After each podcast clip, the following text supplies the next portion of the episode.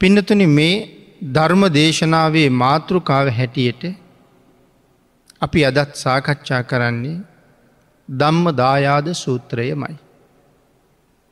ශාස්තෘූ දායාදය මොකක්ද කියන කාරණාව පැහැදිලි කෙරෙන මේ අති උතුම් සූත්‍ර දේශනාවේ හතරවෙනි දේශනාවයි මේ සිදු කරන්න සූදානන් වෙන.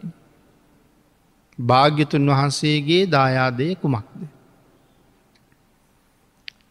තුන්වෙනි ධර්ම දේශනාවෙන් කරුණු පැහැදිලි කරලා නතර කරපු තැන අපි සඳහන් කළා බුදුරජාණන් වහන්සේ දේශනා කළා ධම්ම දායාද ප්‍රතිපදාව මම මේ ලෝක සත්වයාට යහපත පිණිස දේශනා කරනවා කියලා.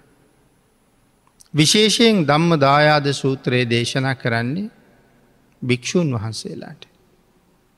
නමුත් ඒ අපි සියලු දෙනාටම ඉතාම වටිනවා.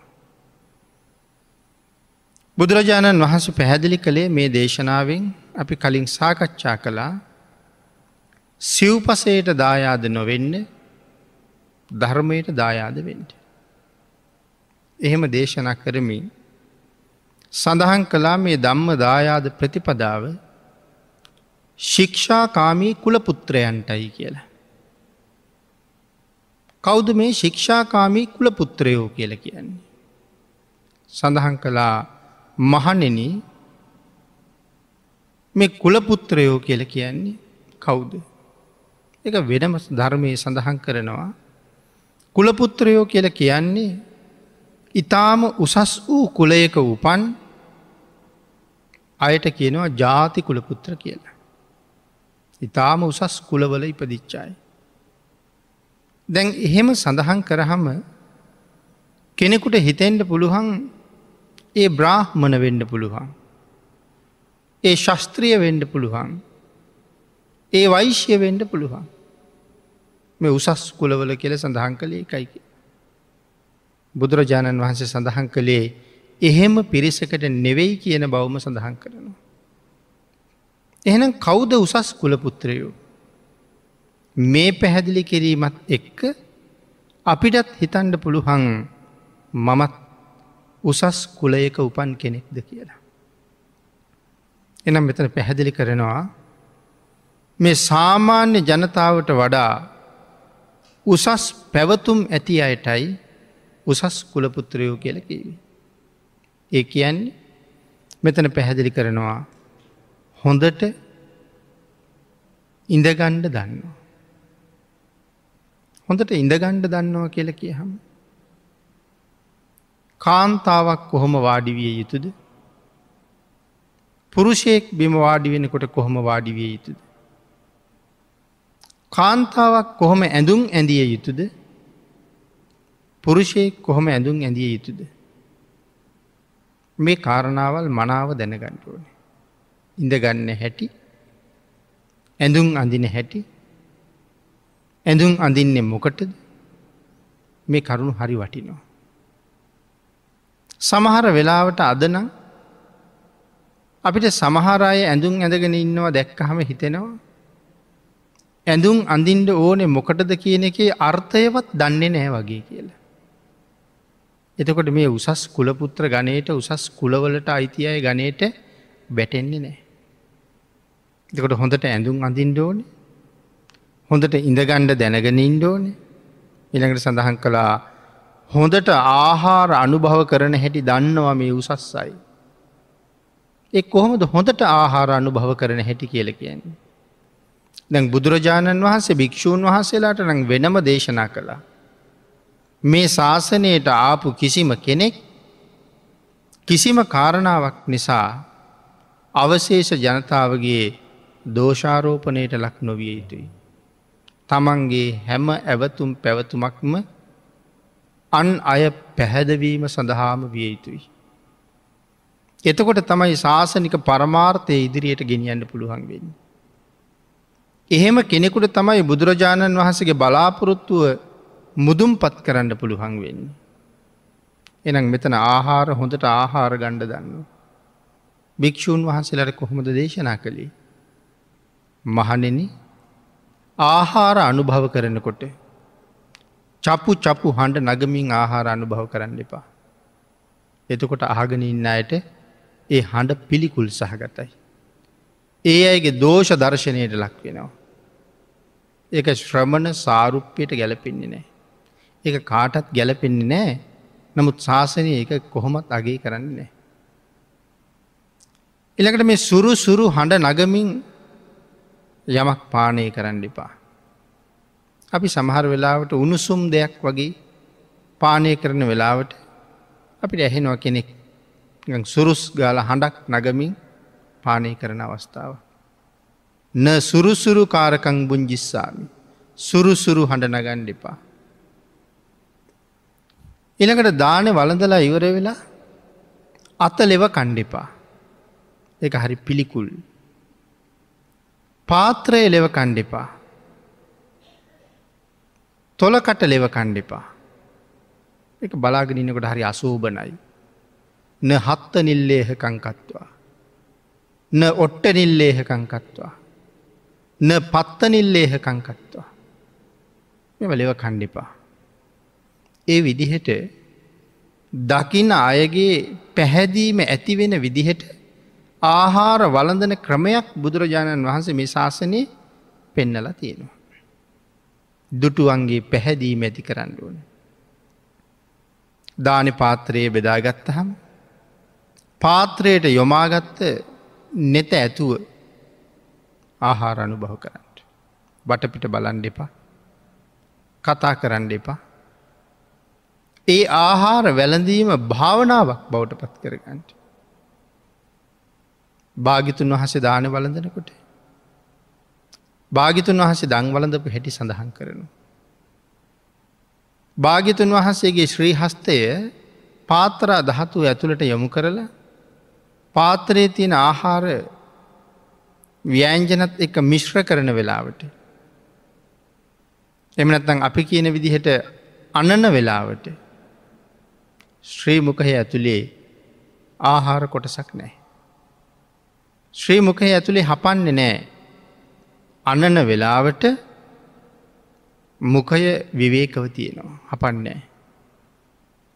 ඊළඟට ශ්‍රීහස්ත දහත්වයේ තියෙන ආහාරටික ශ්‍රීමුකහයට තැන්පත් කරහම ඒ ආහාර හපන තුරු හපල අවසන් කරලා ශරීරය තුළට ගමන් කරවන තුරු පාත්‍රයේ ඇතුළේ අත විවේකීව වැඩයි තියෙනවා. කොද මේ හපන අතරේ අනන්නේ නෑ. එනම් අනන වෙලාවෙ හපන්නේ නෑ හපන වෙලාවෙ අනන්නේ නෑ. අනනකොට ඒක භාවනාවක් හපනකොට ඒක භාවනාව. වටපිට බලන්නේ නෑ කතා කරන්නේ නෑ දකින කෙනෙක් හරී පහදිනවා. සිහියෙන් දං වලඳන බව හැමෝම හොඳට දන්නවා. හැම මොහොතෙම සිහිය පවත්වන්ඩ දේශනා කරපු මේ ශාසනයේ ආහාර අනුභව කරන වෙලාවත් ඉතාම සිහියෙන්ම තමයි පවත්වන්න කියල භාගිතුන් වහස දේශනා කළේ. එතකොට මනාව ආහාර අනුභව කරනවා කියල කිය හම ඔයවාගේ කරුණු අන්තර්ගතයි තවත් බොහෝ කරුණු ඔය පිළිබඳව සඳහන් කරන්න පුළුවන්. ඊළකට සඳහන් කළා වැඩිහිටියන් ළඟ කටයුතු කරන හැටි දන්නවා.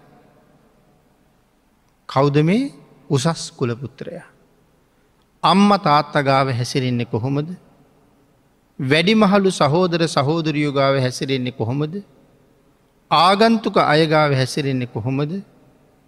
මහා සංඝයා ළඟ හැසිරෙන්නේ කොහොමද. බුදුරජාණන් වහන්සේ ළඟ කටයුතු කරන්නේ කොහොමද. මේ කරුණු හොඳට දන්න අගුරුවරය ළඟ හැසිරෙන්නේ කොහොමද. නමුත් ඒක හරියට නොදන්න කෙනා කිසි සංවරයක් නෑ. සංවරයක් නැති පුද්ගලයා සමහරලාට අම්මා අස්සෙනුත් දුවනවා. තාත්තගේ අස්සෙනුත් පනිනවා. සමහට කරට උඩිනුත් පනිනවා. ගුරුවරයා ඉන්නවා වැඩිහිටියෝ ඉන්නවා සංගරතනය ඉන්නවා එහෙම සිහි කල්පනාවක් නෑ. එතකොට බුදුරජාණන් වහන්සේ ළඟ හැසිරෙන්නේ කොහොමද. මේ ශ්‍රද්ධාව මනින තැන් ප්‍රඥාවන්තයෙක් දැක්ක හම මේ අයගේ ශ්‍රද්ධාව කොහොමද කියලා බලන. දැන් අද බුදුරජාණන් වහන්සේළඟ හැසිරෙන්ඩ භාගිතුන් වහස නැහැ කියලා අපි හිතනවා. නමුත් පන්සල කියල කියන්නේ බුදුරජාණන් වහස වැඩ ඉන්න තැන. සෑම පන්සලකම බුදුරජාණන් වහස වැඩ ඉන්නවා. එන අද භාගිතුන් වහස වෙනුවෙන් බෝධීන් වහස වැඩ ඉන්න. චෛත්‍යරාජයණන් වැඩ ඉන්නවා. සදහතුක දහතුන් වහන්සේ වැඩඉන්නවා. ඒ කියන්නේ බුදුරජාණන් වහසේ වැඩඉන්න. එනම් එතන බුදුරජාණන් වහන්සේ ළඟ හැසිරෙන ක්‍රමයටම හැසිරෙන්ඩෝන. මේ සූත්‍රයේම අපි මුලින් සඳහන් කළා බුදුරජාණන් වහන්සේ කෑකෝ ගහනුවට සද්ධ බද්ධ කරනවට කැමති නෑ කියලා. එහෙමනම් පන්සලේ ගිහිල්ලා අපේ දරූ කෑකෝ ගහනුවට බුදුරජාණන් වහන්සේ කැමතිද. එහෙමනම් අපි බුදුරජාණන් වහන්සේ ළඟ හැසිරෙන හැටි දන්නඇති නිසා අපේ දරුවෝ හික්මවල නෑ. උසස් කුලපුත්‍රයෝ බවට පත්කරවන්ඩ අපි කටයුතු කරල නෑ. අන්න ඒක නිසා ඒ ගෙදර හිටියත් සෙල්ලං කරනවා. බෝමලුවෙත් සෙල්ලං කරනවා. සෑමලුවෙත් සෙල්ලං කරනවා. කෑකෝ ගහනවා. උසස් කුලපුත්‍ර ගනයට අපි කවද්ද යන්න කියන කාරණාව ගැන සෑහෙන්ට අපිට හිතන්න තියෙනවා. සමහර වෙලාවට මේ උසස් ප්‍රභූවරයෙක් අපි කියමු ජනාධිපතිතුමා පන්සලට ඇවිල්ලා. නායක හාමුදුරුවොත් එක කතා බහ කර කර ඉන්නවා. හැබැයි අපි කිසිදු දරුවෙකුට පන්සලේ කෑකෝ ගහන්ඩ දෙන්නේ. හැම්ම ළමයෙක්ම අපේ ළඟ තියාගෙන ඉන්න ප්‍රභූවරයෙක් ඇවිල්ල. රටේ ප්‍රධාන පුරවැසි අපේ පන්සලට ඇවිල්ල. ඊට වඩා කොච්චර උසස් ද බුදුරජාණන් වහන්සේ. ඊට වඩා කොච්චර වන්දනීයද පූජනීයද බුදුරජාණන් වහන්සේ. අපි එදාට ගිහින් ළමයිටික සංවර කරල නෑ. ආං ඒ නිසා මෙතන සඳහන් කළා වැඩිහිටියන් ළඟ කටයුතු කරන හැටි දන්නවා. ගරුකට යුතු අය ඇසුරු කරන හැටි දන්නවා. මේ කාරණා දෙක මෙතින්ට අන්තර්ගතයි. වැසිකිලි කැසිකිලි භාවිතා කරන හැටි දන්නවා. බැසිකිලිය පාවිච්චි කරහම් තවත් කෙනෙකුට කිසිම අප්‍රසන්න හැඟීමක් නැතුව. ඒ වැසිකිලිය පාවිච්චි කරන්න පුළුවන් විදිහට වැසිකිලි පිරිසිදු කරලයන. වැසිකිලියත් එහෙමයි කැසකිලියත් එහෙමයි. පාවිච්චි කරල නැවත ආපහු හැරිල බල්ල පිරිසිදු වෙලාද කියලා හොයල බල්ල නැත්තං නැවත පිරිසිදු කරල තමන්ගේ අඩි පාරවල්ල තිබිච්ච කුණු තියෙන්ට පුළුවන් බැහැර කරපු අපද්‍රව්‍ය තැන තැන රැඳිල තියෙන්ට පුළුවන් මම යනකොට එහෙම තිබුණොත් මට අප්‍රසන්න බවක් ඇති වෙනවා වගේම මම එහෙම බාගිට සුද්ධ කරලා ගියොත් එන අන් අයටත් ඒ අප්‍රසන්න බව ඇති වෙනවා. අන්න එහෙම නැතුව වැසිකිලිය කැසිකිලිය හොඳට යම් කෙනෙක් පවිත්‍ර කරලා තියෙනවාන. ඒ කාරණාවත් සඳහන් කරනවා මේ ආදී වශයෙන් බොහෝ කරුණු පැහැදිලි කරන්න පුළුවන් මේ කවුරු ගැනද කියන්නේ මේ තමයි කුලපුත්‍රයන්ගේ හැටි. උසස් ජාතියක ඉපදිච්චාය. ජාතිකුලපුත්‍ර. ඒ අය තමන්ගේ යුතුකම මනාව දන්නවා. කුඩා කාලිඉඳල මනාව උගන්නලා තියෙනවා. අද කුලපුත්‍රයෝ හොයන්ට මංහිතන්නේ හරි අමාරුයි. ගොද වැසිකිලියකට ගියත් අපි විශේෂයෙන් දකිනවා පාවිච්චි කරලා පිරිසිදු කරලා යන්න කියලා දැන්වීමක් තියෙන.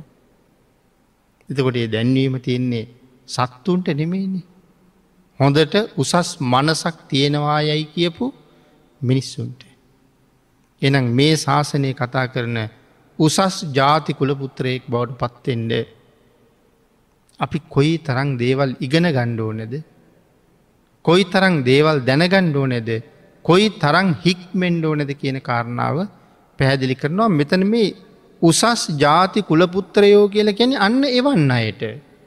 උසස් කුලවල ඉපදුනා කියලා කියන්නේ මෙන්න මේ ආචාර ධර්ම මනාව දන්න පවුල්වල ඉපදිච්චායට. නැතු අර බ්‍රාහ්මද ශස්ත්‍රියද ශුද්‍රදවයි වෛශ්‍යද කියන කාරණාව නෙමෙයි. බ්‍රාහ්මණ නෙමෙයි ශස්ත්‍රය නෙමෙයි වෛශ්‍ය නෙමෙයි. මේ අයටයි මේ උසස් කුල පුත්‍ර කියලතින්නේ. එහෙනම් බුදුරජාණන් වහන්සේගේ ධර්මදායාදේ කාටද මෙන්න මේ උසස් කුලපුත්‍රයන්ටයි කියලා දේශනා කරලා තියෙනවා. පිළිවෙත් ඇති අයට මෙතන ජාති කුලපුත්‍ර කියලා කියනවා. මනාව පිළිවෙතට පිළිපන්නාය ජාති කුලපුත්‍ර නමින් හඳුන්වන බව නැවත සඳහන් කරනවා. පිනතන යම් කෙනෙක් මේ ශාසනයේ තියෙන උසස්ම ප්‍රතිපත්ති දැනගෙන ඒව තමන්ගේ ජීවිතයට එකතු කරගෙන ඊට අනුව කටයුතු කරනවා නං ඒ පුද්ගලයා මේ ලබාගත්ත මනුස්ස ජීවිතයට හොඳ සාධාරණයක් කරන කෙනෙ. කාගෙන්වත් බැනුම් අහන්ඩි නැති කෙනෙ. කවුරුවත් පිළිකුල් සහගත මුහුණින් තමන්දිහා බලන්නේ නැති කෙනෙ. අන්න එහෙම පිරිසක් තමයි මේ ශාසනය විශේෂයෙන් අගේ කරලා තියෙන. ඉළඟට සඳහන් කරනවා යම් උසස් හැසිරීමක් ඇති කරගත්ත නං ඔවුන්ට කියන්නේ ආචාර කුලපුත්‍ර කියලා. පිනතින ආං ඒ සඳහා මුලින් උපන් කුලය බලපාන්නේ නෑ කියලා විශේෂයෙන් සඳහන් කරනවා.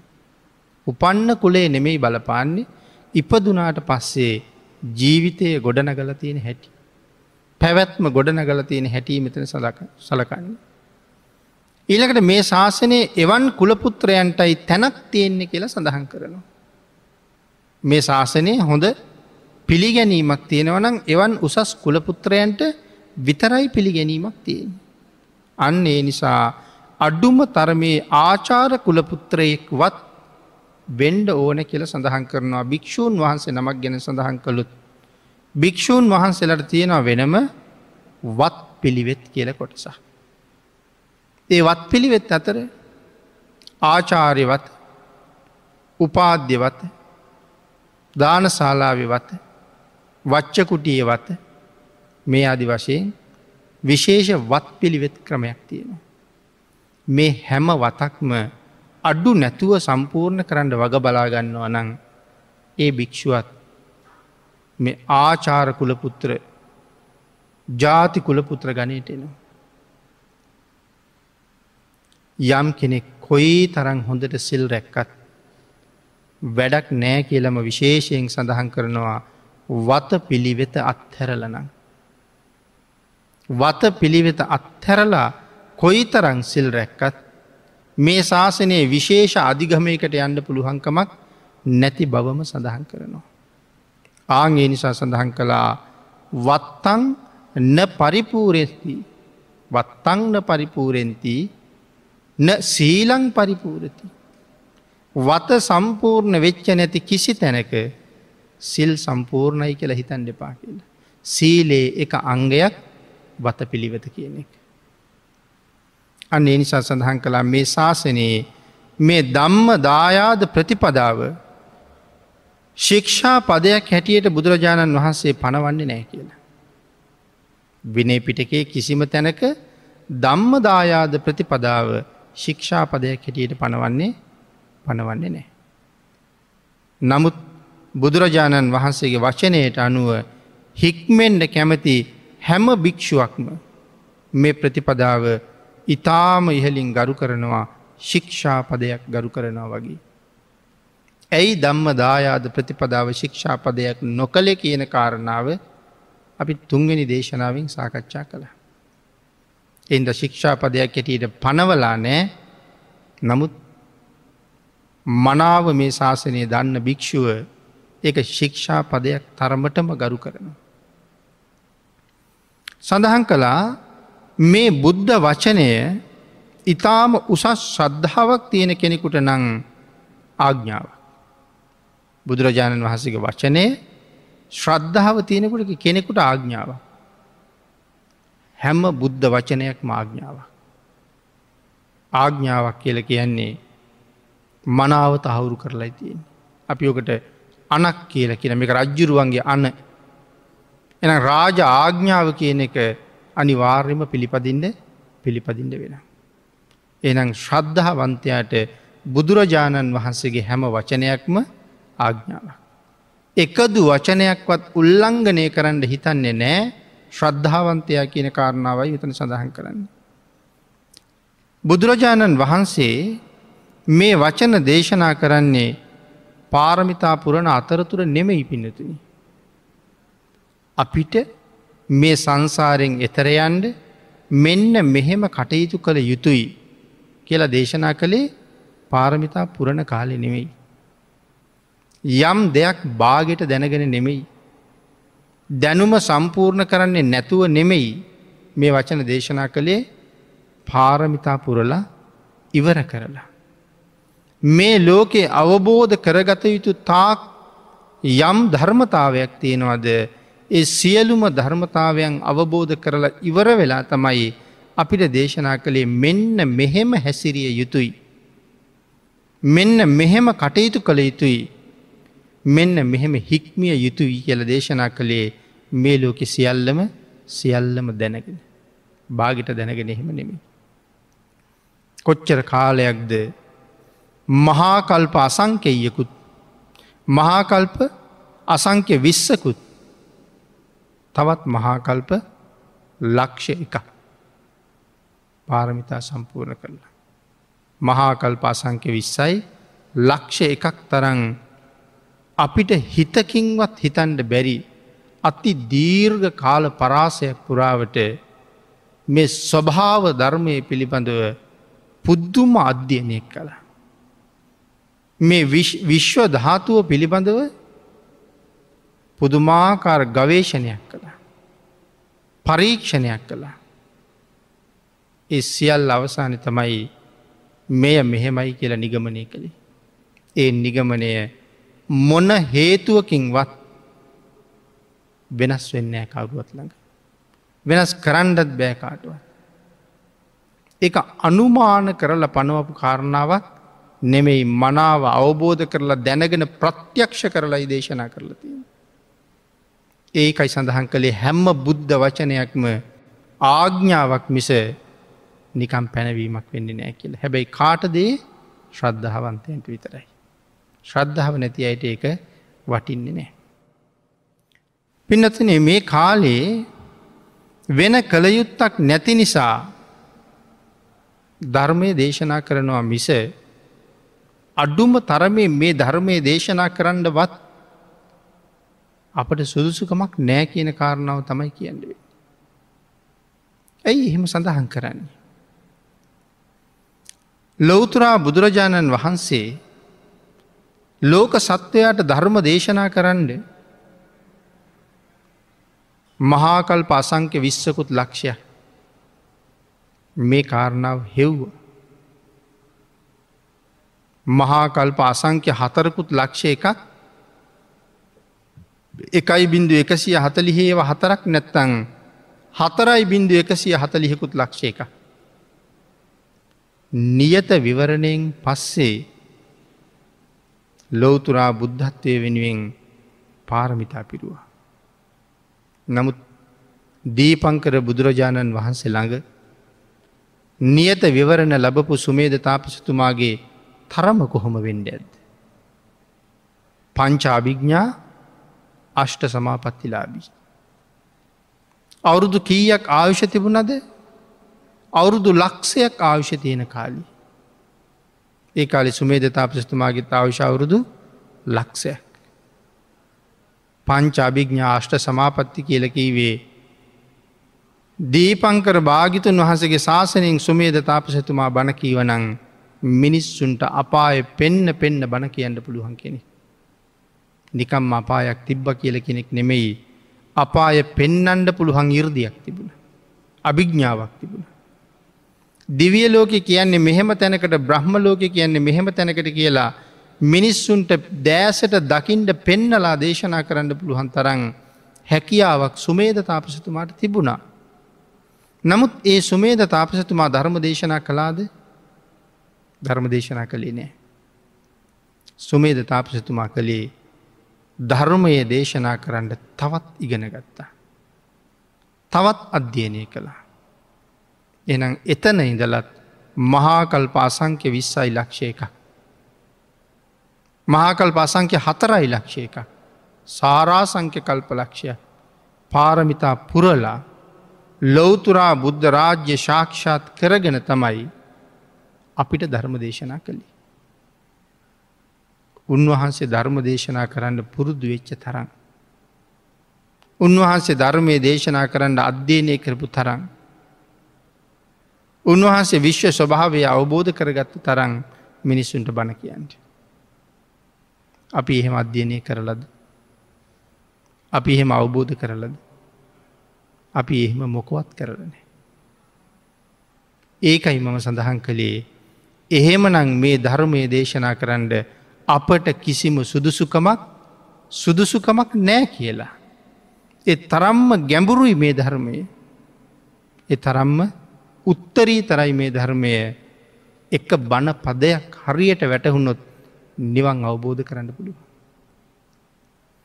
නමුත් එහෙම තත්ත්වයක් තියෙන කොටත් අපි ධර්මය දේශනා කරන්නේ බුදුරජාණන් වහන්සේගේ යම් කරුණාවක් තියෙන නිසා මිසක් නැත්තං මේ ධර්මය දේශනා කරන්න අපිට කිසිම අයිතිවාසිකමක් අයිතිවාසිකමක් නෑ. පාරමිතා පිරන්ඩ බෝසතාණන් වහන්සේ ඒ තරම් උතුම් තැනක ඉඳල හිතුව මිසක් බණ කියන්න හිතුවේ නෑ. සුමේද තාපසිතුමා බණ කියන්න හිතුවේ නෑන්නේ. සුමේද තාපසිතුමා හිතුවේ පාරමිතා පුරන්ඩ. බෝසතාණන් වහන්සේ ධර්ම දේශනා නොකළ නෙමේ බොසතන් වහස ධර්ම දේශනා කරපු තැන් ඕන තරම් ධර්මය පැහැදිලි කරනවා. නමුත් ලෝක සත්වයාගේ නිවන ව්‍යවෘත කරලා දේශනා කරන්න අච්චර හැකියාවක් තිබුණ මොහොතකත් අභිග්ඥා ලාබීව ඉඳගෙනත් මම තව තව ඉගෙන ගත යුතුයි. මම තව පාරමිතා පිරිය යුතුයි කියලා හිතුව මිසක් බණ කියන්න හිතුවමනේ. ඒකයි මම සඳහන් කළේ අපි සුදුසු අපි සුදුසු මදී එහෙමනං කියලා. නමුත් පින්නතුන බෝසතාණන් වහන්සේ ධර්ම දේශනා නොකලාම නෙමෙයි කියන කාරණාවත් සේපත් කලා ධර්ම දේශනක් කරපු තැන් තියෙනවා. අබුද්ධෝත් පාද කාලවල පවා ඕන තරම් බෝසතන් වහස ධර්ම දේශනක් කරලා තියෙනවා. නමුත් ලොවතුරා බුදුවරු වැඩඉන්න කාලේ බෝස්තන් වහස ධර්ම දේශනා කරන්න ගියපු බවක් ලොකුවට කොහෙවත් සඳහන් වෙලා අබුද්ධෝත් පාද කාලවල දේශනා කරලා තියෙනවා. ආං ඒ නිසා සඳහන් කළා යම් ගමනක් යන්ඩ යම් කෙනෙක් පිටත් වනහම. අපි ගමනක් යන්ඩ පිටත් වනහම. අපි අවශ්‍ය තැනට ඉලක්කය ගාවට යන්ට පාර දන්නේ නෑ. ඒ නිසා නොයෙක් තැන නතර කර කර නතර කර කර පාරහනෝ. අහවල් තැනට යන්නේ කොහෙන්ද. ආවල් තැනට යන්නේ කොහොමද. අපිට පාර කියන කෙන අපිට පාර කියනවා තව කිලෝමීටර මෙච්චරක් යන්ඩ. එච්චරක් ගියහම් මෙහෙම හන්දියක් තියෙනවා එතනින් මෙහට්ට හැරෙන්ඩ ඒ පාරදිගේ යනකොට මෙහෙම තැනක් හම්බ වෙනවා එතනින් අහන්ඩ අපිට මේ හොඳට එයා මග කියලා දෙනවා. නමුත් පින්නතින තව ටිකක් දුර යනකොට එක්කො ඒ මනුස්සයා කියාපු හන්දියේ නම අමතක වෙලා. එහෙම නැත්තං ඒ මනුසයා කියාපු මග සලකුණු අමතක වෙලා. ආයිත් කියනවා තව තැනකින් අහමු. සමහර වෙලාවට නොදන්න ප්‍රදේශයක තැනක් හොයාගෙන යනකොට අඩ්ඩුම තරමේ හත්තට පොලකින් හරි නතර කරලා එතෙන්ට යන්ඩ අපි පාරහ. පාර කොච්චර කියල දුන්නත් අපිට පාර මතකනේ. එහෙමනං පැහැදිලිව මගසලකුණු සමගම කියල තිබුණත් අපිට පාරවරදිම. අන්නේසා නොපෙනෙන පාරක් දිගේ නිවනට යනකොට මේක පෙනිපෙනී යන පාරක් වරදින්නේ. නමුත් නිවනට යන පාර පේනවද. ඒ පාර කාටුවත් පේන්නේ. එඳ හරියටම මග සලකුණු කියන්න ඕනේ. හරියටම පාරට පිවිසෙන හැටි කියල දෙන්නඩුවන. ඒක ලේසියෙන් කෙනෙකුට කරන්න පුළුවන්ද. මේ පෙනි පෙනී යන සාමාන්‍ය ලෝකෙ පාර්වලුත් වැරදි වැරදි යනකොට නිවනට යන පාර අපිට කොච්චර වරදිනවද. මේ සංසාර එච්චර වැරදිච්ච නිසා නේද මහා සාගරයේ ජලයට වඩා කඳුළු සාගර පුරෝ පුරෝමියයි. මහා සාගරයේ ජලයට වැඩිය බෙල්ල කපාපුතනින් ලේ ගලල තියෙනවා එක්කෙනෙකුගේ. ඒ තරං දිග සංසාරික මේ යන්නේ මේ පාර හොයාගන්න බැරිවෙච්ච හිදන්නේ. නැතුව බුද්ධාන්තර මුණ නො ගැහිච්ච හින්දද බුදුවරු නං මොන්න තරං මුණ ගැහෙන්ඩ ඇත්. අපේ මහ බෝසතාණන් වහන්සේට පන්ලක්ස් දොළොස් දස් විසි හත් නම. මේ මහාකල් පස්සංක විස්සයි ලක්ෂයක තුළමුණ ගැහු. ඔය බුදුරජාණන් වහන්සේලා අපිට මුණ ගැහෙන්ට නැතුව ඇද්ද. උන්වහන්සලගේ රූපකයින් දැක්කෙ නැතත් උන්වහන්සේලාගේ දහම පවතින කාලවල අපි ඉප දෙන්න නැතුව ඇද්ද. අපි මේ වගේම බණ අහන්ඩ නැතුව ඇද්දේ කාලවල ඒ කාලිත් බනැහුව. ඒ කාලිත් භාවනා කළා ඒ කාලෙත් අපි සිල්ගත්ත නමුත් අපිට තාම නිවනට ඇන්ඩ බැරිවුණ. ඒ කාල ඉඳලම නිවන් දකිත්වා කියල ප්‍රාර්ථනා කෙරුවා. ඒ කාල ඉඳලම නිවන් දකිින්ට කියල හුඟක් දේවල් කළා. ඒ කොච්චර දේවල් කළත් අපිට පාර වැරදිලාම නිසා තමයි තාම ඒ කියන නිවනට යන්ඩ බැරිවුණේ. අන්න ඒ නිසා නොපෙනෙන පාරක් දිගේ කෙනෙකුට නිවනට යන්ඩ කියනකොට මොන තරං නිවැරදිව ඒ පාර කියන්න ඕනෙද. නිවනට යන පාර කොයි තරං නිවැරදිව ඒක පෙන්න්න ඕනෙද. ඒක පෙන්නන්ඩ ලොවතුරා බුදුරජාණන් වහන්සේම සමත් මිසක්. මහරහතන් වහන්සේලාම සමත් මිසක් පෘතජ්ජන අපි ඒ මඟ පෙන්නන්න ලොකු සමත්කමක් ලොකු සුදුසුකමක් දරණය කියලා හිතෙනවද. එහෙම සමත්කමක් එහෙම සුදුසුකමක් අපිට ඇත්තේම අපිට ඇත්තේම නෑ. සුගතියට යන පාරත් හරියටම කියන්න ඕනෑ නිවනට යන පාර හරියටම කියන්න ඕන වගේ සුගතියට යන පාරත් හරියටම කියන්න ඕන. එහෙම නැත්තං නොපෙනෙන්න පාරක යන්ඩ හදන මේ ශ්‍රාවක අතරමං වෙන. හරියටම කියන්න බැරිවුණු. ආං ඒක කියන්න ඕනේ හරියටම කියන්න පුළුවන්නම් විතරයි. අන ඒකයි සඳහන් කළේ මේ පාරවල් දෙකම හරියට කියන්න ඕනේ. මොකද ඒ පාර හරියටම පෙන්නලා තියෙන්නේ ඒක හරියටම කියන්න නම් කොහෙදේ පාරතියෙන් අදත් ඒ පාර කියන්න බැරිනෑ අපිට සුදුසු කංමදි මිසක්. නමුත් පාර නැද්ද පාරතියෙනවා. නිවැරදිවම ඒ පාරය මග සලකුණුත් තියෙනවා. කොහෙදේ මග සලකුණු තියෙන්නේ. ඒ මග සලකුණු අදත් තියෙන්නේ ත්‍රිපිටකේ සහ අට්ට කතාවි. මෙන්න මේ ත්‍රිපිටකේ සහ අට්ට කතාවි තියෙනවා සුගතියට යන පාර මග සලකුණු හරියටම පෙන්නනවා. නිවනට යන පාරය මග සලකුණු හරියටම පෙන්නනවා. මේ මග සලකුණු මේ පාරදිගේ නොගියොත් ඔහුට ඒකාන්තයෙන් කොහොමත් දුගතියට යන්න පාර හැදිලම තියෙනවා කියන කාරණාව නොකි යම පැහැදිලි කෙරලා තියෙන. එහෙමනම් මේ ධර්මය හරියටම දේශනා කරන්න. සුදුසුකං අපිට නෑ කියලම මතක් කළ. යම් ප්‍රමාණයක් හරි දේශනා කරන්න. මේ ත්‍රිපිටකය යට කතාවයි මනාව හසුරුවන්ඩුවනේ. මනාව දැනගණ්ඩුවනේ. මනාව ඉගෙනගෙන තියෙන්ට ඕනේ. මැනවින් ප්‍රගුණ කරලා තියෙන්ටුවනේ. එහෙම නැත්තං පාර වරදිනව අපි කවුරුවත් දන්නේ. ත්‍රිපිටකය කියව හම සූත්‍රයේ තියෙන කාරණාව අපිට පේන්නේ එක විදිහක් නමුත් ඒ කාරණාව මැනවින් අට්ට කතාව පැහැදිලි කරලා තියෙන තව විදිහක්. අටුවාවෙ කොටසයි සූත්‍රයේ කොටසයි දෙකම ගලපලා ගත්ත හම තමයි මනාව පැහැදිලි වෙන්නේ මේ කරුණු කොහොමද දක්වලා තියෙන කියලා. මේ මග කොහොමද පෙන්නලා තියෙන කියලා. සූත්‍රයේ විතරක් කියවලත් හරියටම තේරුම් ගණ්ඩ මහ ප්‍රඥාවක් නැති කෙනෙකුට පහසු නෑ. එනිසා අටුවාවත් පරිහරණය කරන්න ඕනේ. අන්න ඒකයි සමහරය ත්‍රිපිටකය පෙන්න පෙන්න දේශනා කරනවා. වර්තමානය අපි දන්න ඕන තරම් මිත්‍යා දෘෂ්ටි තියෙනවා.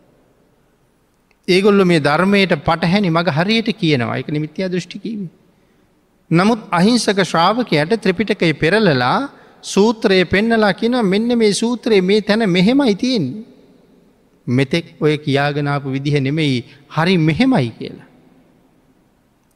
ඉතින් අපිත් පිළිගන්න ඔවු ඇත්තටම පොතමනි කියලා දෙන්න කියලා. නමුත් පොතේ විතරක් බලල ඒක හරියට තේරුම් ගණඩ කොහොමත් බේ. ඒක කොහොම බැරිද කියන කාරණාව තේරුම් ගණඩ පින්නතින සූත්‍රයක් දෙකක් ත්‍රිපිටකය යට්ට කතාව අධ්‍යයනය කරලා බලන්ඩුවනේ. මේ සූත්‍රයේ තියෙන පෙන්නපු කාරණාව හාත් පසි මට්ට කතාව විස්තර කරලා තියෙන හැටි. අන්න එතකොට තේරෙනවා සූත්‍රයේ විතරක් කිය වනම් මටත් පාර වරදිනවනේද කියලා.